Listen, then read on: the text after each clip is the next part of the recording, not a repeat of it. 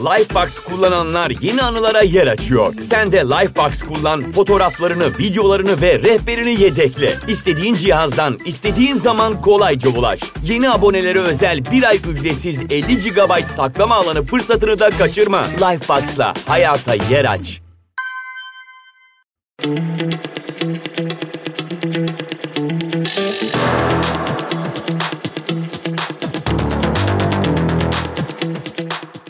Herkese merhaba arkadaşlar ben Eda. Bu arada bir süredir açılışlarda ismimi söylemediğimi fark ettim. Etkili bir giriş yapmak için böyle daha güzel konuşmalar hazırlıyordum. Ve sanki sizler zaten beni tanıyor ve biliyorsunuz gibi e, hissediyordum. Ama aranızda yeni gelen dinleyiciler de vardır. Bu yüzden arada hatırlatmakta fayda var. Evet geçen hafta sevgili Beethoven beyefendinin hayatının bir bölümünü anlatmıştım. Araya farklı bir bölüm eklemeden ikinci kısmına geçelim istedim. Sizleri de merakta bırakmadan. Bu arada bir önceki bölümü dinlemeyenler bu bölümden önce onu dinlemenizi tavsiye ederim. Çünkü bu bölüm onun devamı. Hazırsanız hadi başlayalım. Beethoven işitme kaybı yaşamaya başladıktan ve tamamen sağır olduktan sonra bir süre herkesten saklanmıştı hatırlarsanız. Ancak sessizliğini daha fazla koruyamadan en yakın iki arkadaşına mektuplarında bu durumu anlatmıştı. O mektuplar gerçekten de paramparça olmuş bir kalbin haykırışlarıdır. Ancak Beethoven işitme duygusunu kaybettiği için pes etmedi. Mücadeleci bir ruha sahipti zaten. Pes etmek onun prensiplerine de tersti. Ancak şöyle bir durum var ki o dönemin tıp dünyası günümüzdeki kadar gelişmiş bir durumda olmadığından insanlar hastalığa yakalandığında maalesef hayatlarını kaybedeceklerini düşünüyordu. Yaşadığı dönemi bir hayal edin. 18. yüzyıl ile 19. yüzyıl arasında yaşıyor bu insanlar. O dönemlerde Francisco Goya, William Turner, Eugene Delacroix gibi dev ressamlar yaşıyordu. Bu sanatçıların eserlerine baktığımızda yaşadığı yaşadıkları dönemin sanatsal ve kültürel zenginliklerinin yansımalarını görebiliyoruz zaten. Romantizm dönemi de diyebiliriz hatta bu döneme. Sanatsal ve kültürel açıdan hepimize Stendhal sendromu yaşatacak türden eserler ortaya çıkmış olsa da hastalık maalesef birçok insanın peşini bırakmıyordu sağırlık da dolayısıyla çare bulunamadığından ya da en basitinden tıbbi anlamda önceden tespit edilemediğinden hatta gerçekleştiğinde dahi kesin bir şekilde tespit edilemediğinden ağır bir hastalıktı ve ölümcül gibi görünebiliyordu. Beethoven'ın işitme kaybı zamanla ilerleyen bir durumdu ve semptomları da artarak kendini gösterdi ve en sonunda tamamen sağırlığa yol açtı. Zaten etkili bir tedavi yöntemi mevcut değildi. Bu yüzden Beethoven diğer sağlık sorunları da eklenince öleceğini düşünse de arkadaşlarına yazdığı mektuplarından 25 yıl sonrasına kadar yaşadı. Çok gençti işitme kayıpları başladığında 20'li yaşlarının sonlarına doğru geliyordu neredeyse. Ama tabii ki güçlü bir doğası vardı ve dertlerinin ağırlığı altında daha fazla ezilmeye izin vermeyecekti. Bunun üzerine mektuplarında da şunları dile getiriyor. Fiziksel kuvvetim her zaman zihinsel gücümün gelişimiyle beraber düzeldi. Evet, gerçekten de gençliğimin henüz başında olduğumu düşünüyorum. Her gün tam olarak tarif edemesem de varlığını hissettiğim hedefime bir adım daha yaklaşıyorum. Ah keşke şu sağırlıktan kurtulabilsem. Dünyayı kucaklardım diyor ve sonrasında da şunları ekliyor. Dinlenmek yok. En azından ben sadece uykuda dinlenebiliyorum ve o kadar mutsuzum ki uykuya eskisinden daha çok zaman ayırmak zorunda kalıyorum. Keşke hastalığımın en azından bir kısmından kurtulabilsem. Böylece hayır daha fazla dayanamıyorum. Kaderimle savaşacağım. Beni asla tamamen yenemeyecek. Bir ömürde binlerce hayat yaşayabilsek ne güzel olurdu ne kadar savaşçı bir ruhu olduğunu bu cümlelerden ve sağır olsa bile çalışmayı, üretmemeyi bırakmamasından anlayabilirsiniz. İşi tamamen duymak ama duymadan beste yapan birinden söz ediyoruz burada. O yüzden onun bir dahi olduğunu belirtmemize gerek bile yok sanırım. Ben bu mektupları okurken aklıma Christy Brown'un Sol Ayağım kitabı geldi. Ortaokulda falan okumuştum sanıyorum. Çok da sevdiğim bir kitaptır. Aranızda okuyanlar vardır mutlaka ama okumayanları da kesinlikle tavsiye edeceğim bir kitaptır. Mektup mektuplarındaki trajik ruh halleri o dönemde yaptığı 8. piyano sonatı ve 7. piyano sonatı gibi bazı işlerine de yansıyor elbette. Ancak hepsine değil çünkü o dönemde yaptığı diğer eserlerinin daha neşeli bir tavrı da var. Özellikle Septet adlı bestesi ki ben çok seviyorum bu bestesini. Beethoven sağırlık sürecinde Viyana'da kendini çok yalnız ve mutsuz hissetmeye başlamıştı. Aklı sürekli memlekete olan Bond'aydı. Çok büyük bir özlem duyuyordu ki nitekim bu özlemini bestelerine de yansıtmıştı. Örneğin Septet'teki Andante bölümü temasını Ren Nehri bölgesine ait yerel bir şarkıdan alıyor. Birinci senfonisini de aynı şekilde Ren Nehri'nden esinlenerek yazıyor. Her iki senfoniyi de ben çok huzur verici buluyorum. Özellikle Septet tabii ki o benim kesinlikle favorim. Sabahları atölyeme gittiğimde resim yapmadan önce açıyorum. Özellikle Viyana Filarmoni Orkestrası versiyonunu çok seviyorum. Dışarıdan kuş sesleri geliyor, kahvemi demliyorum, kenarda tütsümü yakıyorum. Sonra resim yapmaya başlıyorum. Ruhum resmen huzurla doluyor. O zaman benden sizlere gelsin. Şarkının linkini açıklama kısmında bulabilirsiniz. Siz de sabah kahvenizi içerken açın dinleyin. Siz de ruhunuzu benim gibi huzurla doldurun. Bu arada huzurlu hissediyorum tabii ama bu bestenin sağır olmaya başlayan bir adamın zihninden çıktığını da unutmamak gerekiyor. Beethoven'ın fiziksel acılarına kısa süre sonra başka tür sorunlar sorunlar da eklenmeye başlıyor. En yakın arkadaşı Dr. Wegler'a göre Beethoven hep aşırıya kaçan tutkulu aşkların peşindeymiş. İlişkileri hep aşkın en saf hali gibi görünürmüş. Saflık bu noktada çok önemli çünkü onun doğasında hep bir püritenlik varmış. Püritenlik nedir diye soracak olursanız 16. ve 17. yüzyılda 1. Elizabeth İngiliz kilisesinde reformist bir hareket başlatıyor. Bu harekete karşı çıkan, kendini saflığı aramak olarak tanımlayan dini ve ahlaki değerlere çok katı olan bir topluluk aslında Püritenlik. Daha sade ve katı bir dini yaşam tarzını benimsiyorlar. Kilisenin daha protestan ve dinin daha saf olmasını istiyorlar. Örneğin içki, kumar, dans ve eğlence gibi dünyevi zevklerin gereksiz olduğuna inanıyorlar. Dedim ya çok katılar. Tutkulu aşkların peşinde diyorum ama daha saf bir tutkunun peşinde. Zaten Beethoven'a göre tutku kelimesiyle zevk kelimesi kesinlikle aynı şey değil. Onun tutkuları aşkın en saf halini temsil ediyor aslında. Zaten şehvet dolu konuşmaları ve düşünceleri çok iğrenç buluyormuş. Aşkın kutsal olduğunu düşünüyormuş ve bunun üzerine de değiştirilemez fikirleri varmış. Örneğin Mozart Don Giovanni adlı bestesini para karşılığında sattığı için onu hiç affetmeyeceğini söylüyormuş her fırsatta. Çünkü tutkuyla ortaya koyduğu işler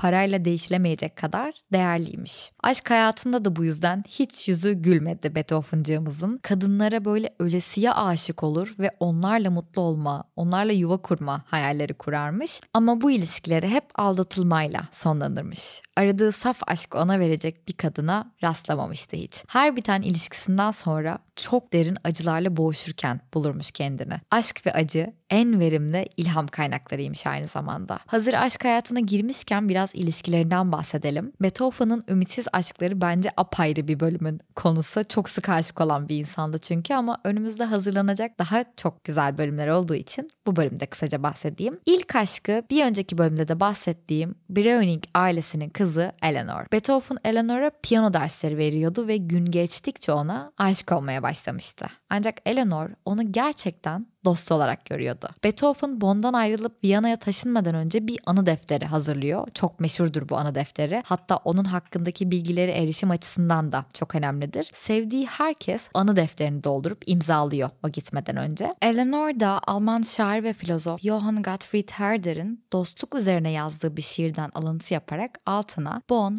1 Kasım 1792 gerçek dostun Eleanor diyerek imzalıyor. Ayrıca ona kendi ördüğü bir yeleği hediye ediyor. Beethoven Viyana'ya taşındıktan bir yıl sonra Eleanor'a uzun bir mektup yazıyor ve Bond'dan ayrılmadan önce aralarında geçen bir tartışmadan söz ediyor. Tarihçiler bu mektuptan yola çıkarak tartışmanın nedeninin Beethoven'ın Eleanor'a hislerini itiraf ettiğini ve belki de onu öpmeye çalıştığını ama Eleanor'un onun hislerini karşılıksız bıraktığını çünkü onu dostu olarak gördüğünü ve bu duruma sinirlenmiş olduğunu öne sürüyor. Beethoven bu mektupta şunları dile getiriyor. Benden en son bir yıl önce haber almış olmana rağmen tüm canlılığınla her zaman zihnimdesin. Hayalimde seninle ve sevgili ailenle sürekli sohbet ediyorum. Ama bu sohbetler her zaman sükunetle son bulmuyor. Çünkü her seferinde aramızda geçen o talihsiz kavga gözümün önüne geliyor. O gün sana karşı davranışım sözcüğün tam anlamıyla iğrençti. Ama artık olan oldu. Mektubun sonunda da yaşadıklarını geçmişte bırakmasını rica ediyor. Eleanor Beethoven Viyana'ya taşındıktan 10 yıl sonra onları tanıştıran ve Beethoven'ın yakın arkadaşı olan Dr. Wegler ile evleniyor ve Beethoven'ı bir daha hiç görmüyor. İlk aşkı olarak bilinen bir diğer kişi Janet adında bir hanımefendi. Eleanor'un arkadaşı hatta Breuning'lerin evinde tanışıyorlar. Bu hanım kızımız da Beethoven'ın duygularına karşılık vermiyor maalesef. Maria Anna adında soylu bir hanımefendi var yine aşık olduğu. Bonn sarayında yüksek düzeyde bir memurun kızıydı bu ve Beethoven'dan dersler alıyordu yine diğerleri gibi. Tabii ki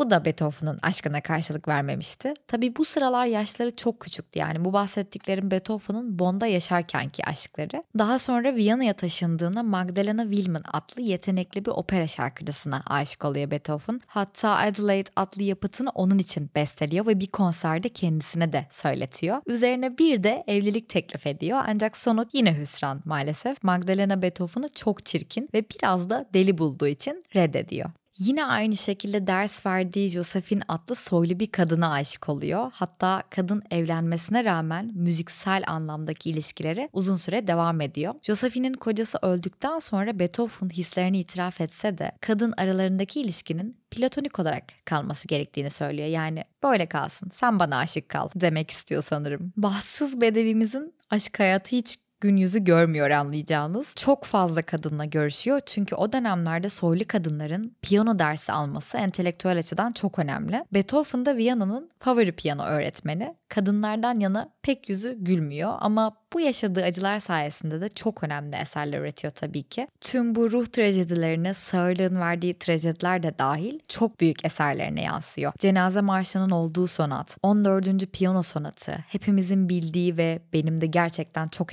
etkileyici bulduğum Moonlight Sonat yani Ay Işığı Sonatı gibi ismini saymakla bitiremeyeceğim birçok bestesi onun ruhundan kopan parçalar aslında. Şu bana çok heyecan veriyor. Düşünsenize böylesine büyük bir sanatçıyı, besteciyi tanımıyoruz. Yüzyıllar önce yaşamış bu adam yani ama zihninden geçen her şeyi yansıttığı için onun zihnini bu eserlerde görebiliyoruz, duyabiliyoruz. Düşüncelerini okuyamıyoruz belki ama hissediyoruz. Resimde de öyle aynı şekilde sanatçının zihnindeki bütün yansımaları görüyoruz. Bu bence inanılmaz büyük bir miras. Beethoven yaşadığı tüm fiziksel ve ruhsal acılara rağmen mutlu olmakta çok kararlıydı. Mutsuzluğa kapılmaya izin veren bir yapısı zaten yoktu. Bu yüzden ne yaşarsa yaşasın aşkı istemeye ya da sağlığı istemeye sıkılmadan devam etti. Lifebox kullananlar yeni anılara yer açıyor. Sen de Lifebox kullan, fotoğraflarını, videolarını ve rehberini yedekle. İstediğin cihazdan, istediğin zaman kolayca ulaş. Yeni abonelere özel bir ay ücretsiz 50 GB saklama alanı fırsatını da kaçırma. Lifebox'la hayata yer aç. Eserlerinin çoğunda zaten o mücadeleci ruhunu yansıtan güçlü ve enerjik ritimlere rastlıyoruz. Özellikle ikinci senfoninin allegro ve final bölümlerinde bu bestelerin savaşçı karakterleri aslında yazıldığı dönemi de yansıtıyor. O sıralarda devrim Viyana'ya ulaşmıştı. Beethoven da devrimci diyebileceğimiz türden bir insandı aslında. Onu hayatının son döneminde en yakından tanıyan Schindler, Beethoven'ı şöyle anlatıyor. Sınırsız özgürlük ve ulusal bağımsızlık destekçisiydi. Herkesin devletin yönetiminde yer alması gerektiğini düşünürdü. Fransa için genel oy hakkını destekliyor ve Bonaparte'ın bunu kurmasını ve böylece insanların mutluluğu için gerekli temelleri atmasını umuyordu. Devrimci bir Katolikti ve Napolyon Bonaparte ve zaferlerin tanrısı tarafından kurulacak muzaffer bir cumhuriyet hayali kurardı. Bu hayalin sonucunda da Eroika adlı yapıtını insanlığa armağan etti. Eroika, imparatorluğun İlyadası sayılıyordu. Görkemli bir zafer destanı. Aynı zamanda bu beste tarihte devrimci duyguyu soluyan ilk müzik eseri olarak kabul ediliyor arkadaşlar. 1806 yılının Mayıs ayında sonunda dilediği aşkı buldu Beethoven'cığımız. Teresa Brunswick adında ders verdiği bir hanımefendi bu. Nişanlandılar ve mektuplarda şu an bir opera yazıyorum. Baş karakter hep içimde. Nereye gitsem hep etrafımda. Daha önce hiç bu kadar mutlu olmamıştım. İçim dışım aydınlık, saflık ve parıltı dolu. Bu zamana kadar bir masalın içindeki çocuk gibiydim. Yakınımda açan çiçeği görmeden yoldaki çakıl taşlarını topluyordum demiş. Brunswick ailesiyle küçüklüğünden beri tanışıyordu aslında ama Teresa'nın kendisine olan aşkını hiç fark etmemişti Beethoven. Fark ettikten sonra da zaten hoşlandığı kadınla hayatını birleştirme kararı aldı. Bu dönemde öyle üretkendi ki arkadaşlar aynı yıl dördüncü senfoniyi besteledi Beethoven. Hatta bu senfoni tam da o dönemdeki mutlu, neşeli Beethoven'ın ruh halini yansıtıyor. Dinlemek isterseniz linki yine açıklama kısmında mevcut. Kendisindeki değişim sadece bunlarda değildi üstelik. Davranışları da değişmişti. Aksi, inatçı, kaba olarak görülen adam gitmiş. Yerine böyle hayat dolu, neşeli, mutlu ve esprili, toplum içinde daha kibar, böyle sıkıcı insanlara karşı daha sabırlı ve kıyafetlerine özen gösteren bir adam gelmişti.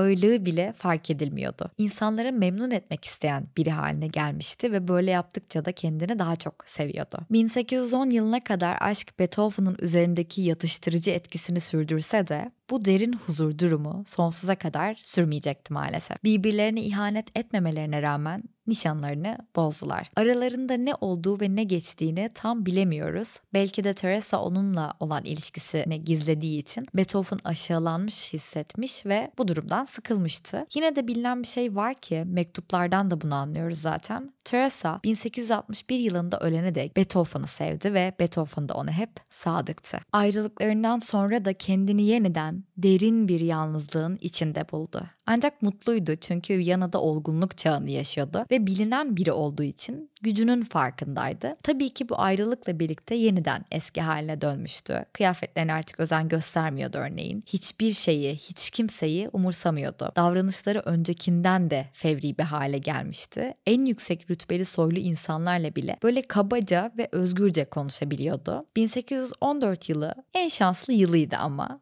Viyana kurultayında Avrupa'daki şöhretinin tadını çıkartıyordu bu sıralar. Damalarda daha aktif rol alıyordu. Prenslerden hürmet görüyordu. Ayakları adeta yerden kesilmiş bir halde yaşıyordu. Bu süreçte yeni senfoniler yazdı Beethoven. Ancak bir süre sonra bu ihtişamlı dönemi yerini keder ve perişanlığa bıraktı. Çünkü Viyana'yı bir türlü sevememişti. Memleket özlemiyle dolup taşıyordu desek yeridir aslında. Huzurlu hissetmiyordu ve Viyana'yı terk etmek için resmen fırsat kolluyordu. Ama Viyana o dönem müzik kaynakları bakımından en zengin yerdi ve bu fırsatları öylece bırakıp gitmek istemiyordu haliyle. Prensler onun Avusturya'da kalma şartıyla ona ödeme yapmayı bile teklif etmişti. O da bu durumu tabii ki kabul etti ve Viyana'da kalmaya devam etti. Ancak ödemeler düzenli yapılmıyordu ve zamanla da kesildi zaten. 1814 kurultayından sonra Viyana'daki ortam çok değişti. Toplumun odağı sanattan tamamen siyasete kaymıştı. Tabii ki müzik ortamını da etkiledi bu durum haliyle. İnsanlar Beethoven'ı aşırı ukala bulmaya başladılar ve Rossini gibi İtalyan bestecileri dinlemeye tercih etmeye başladılar. Bunun üzerine Beethoven da 1814 yılında piyanist olarak son konserini verdi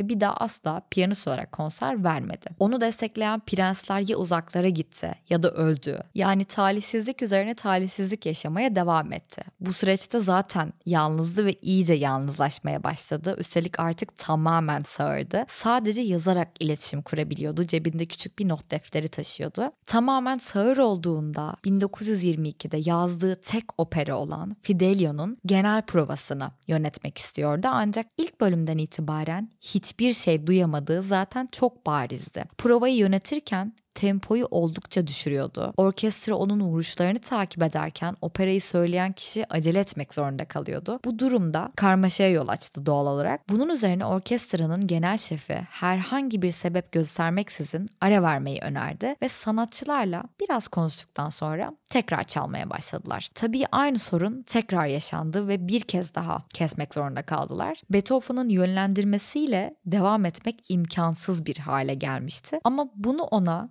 anlatamadılar yani. Kimse onun sağırlığını yüzüne vurmak istemiyordu. Sağır olarak orkestrayı yönetemeyeceğini de söyleyemediler. Hatalar yapıldıkça insanların tepkilerinden dolayı Beethoven rahatsız olmaya başladı. Sürekli insanların yüzlerine bakıyor, sorunun ne olduğunu anlamaya çalışıyordu. Ortamda derin bir sessizlik vardı ve kimse çalmamaya başladı. Beethoven ilk biyografisini yazan arkadaşı Schindler'ı yanına çağırıp cebinden not defterini çıkartarak yazmasını işaret etti. Schindler ise deftere yalvarırım devam etme. Nedenini sonra evde anlatacağım yazdı. Beethoven okur okumaz sahneden inip doğruca evine koştu elleriyle yüzünü kapattı ve saatlerce öyle kaldı. Tek bir kelime etmedi. Schindler Beethoven'u tanıdığı süre boyunca o günden daha berbat bir gün yaşamadığını dile getirmişti. Kalbinin derinden yaralandığı belliydi ve bu olayın etkisini üzerinden sonsuza kadar atamamıştı. Bu olaydan iki yıl sonra o ünlü 9. senfonisini yönetirken onu alkışlayan kalabalığın feryadının en ufak bir kısmını dahi duymamıştı. Sanatçılardan biri elinden tutup onu izleyiciye döndürene kadar alkışların farkında bile değildi. Bütün bu olaylardan sonra her şeyden uzaklaşarak biraz doğaya çekildi ancak bu süreçte de maddi sorunlarla boğuşmaya başladı. Doğa onu iyi eden tek şeydi aslında. Üstüne başına böyle yeni kıyafetler alamayacak hale gelmişti. Hatta eskiyen kıyafetleri yüzünden sokağa bile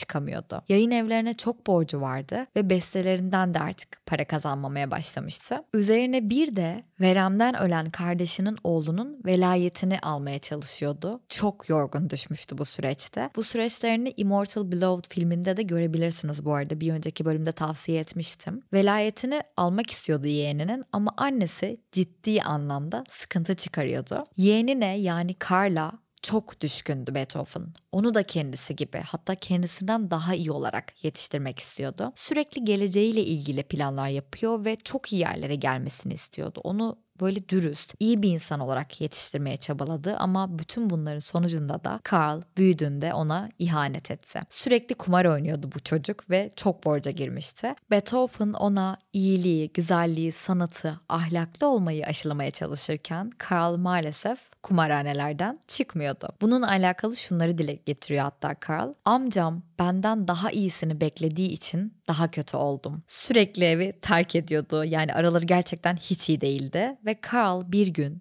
kendisini silahla başından vurdu. Ölmedi tabii ki ama Beethoven'ı ölmekten beter etti. Beethoven bu olayın etkisinden hiç kurtulamamış bu arada. Zaten onu oğlu gibi görüyordu. Hatta mektuplarında sürekli böyle üvey babası olarak imza atıyordu. Karl gerçekten kimsenin çektirmediği kadar acı çektirmişti Beethoven'a ve Beethoven ölene kadar da acı çektirmeye devam etmiş. Hatta ölümünde etkisi olduğu da söyleniyor. Öldüğünde de yanında bile değilmiş. Yani cenazesine bile gitmemiş. 1826 yılının Kasım ayında basit bir soğuk algınlığıyla başlayan hastalığı akciğer zarı iltihabına dönüşüyor Beethoven'ın ve yeğenine doktor çağırmasını söylüyor. Ancak yeğeni unuttum diyerek iki gün sonrasına doktor çağırsa da doktorlar zaten geç gelmişti ve acemice bir tedavi uygulamışlardı. Karl'ın ona çektirdiği bütün bu ızdıraba ve hastalığa daha fazla dayanamayıp 26 Mart günü hayatını kaybetti Beethoven. İnsanlığa ruhundan gelen ezgilerin tınısıyla çok güzel armağanlar bıraktı. Sanatsal azameti herkes tarafından takdir edilen biriydi. Arkadaşı Schindler onun için doğanın ruhunu ele geçirdi. Beethoven bir doğa olayıdır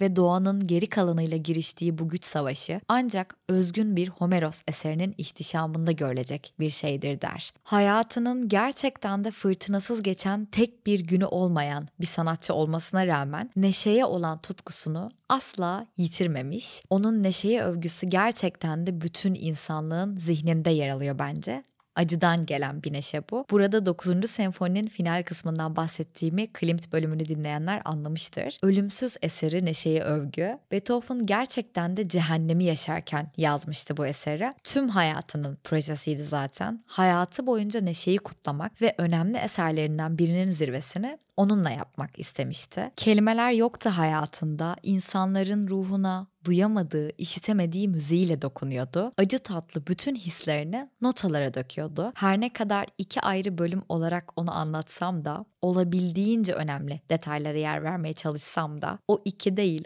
10 bölümü bile sığmayacak kadar önemli bir insan. Eserlerinden bahsedemiyorum bile. Eğer siz de benim gibi klasik müziğe meraklıysanız dinlediğinizde her şeyi hissediyorsunuzdur zaten. Benim anlatmama gerek bile yok bence. Hep dediğim gibi bir insanın sanatını anlamak, onu tanımak ve hayatını bilmekten geçer. Son olarak bölümü Beethoven'ın en sevdiğim sözüyle kapatıyorum. Kelimeleri zincirlediler ama ne mutlu ki sesler hala özgür. Bir sonraki bölümde görüşmek üzere. Sanatla kalın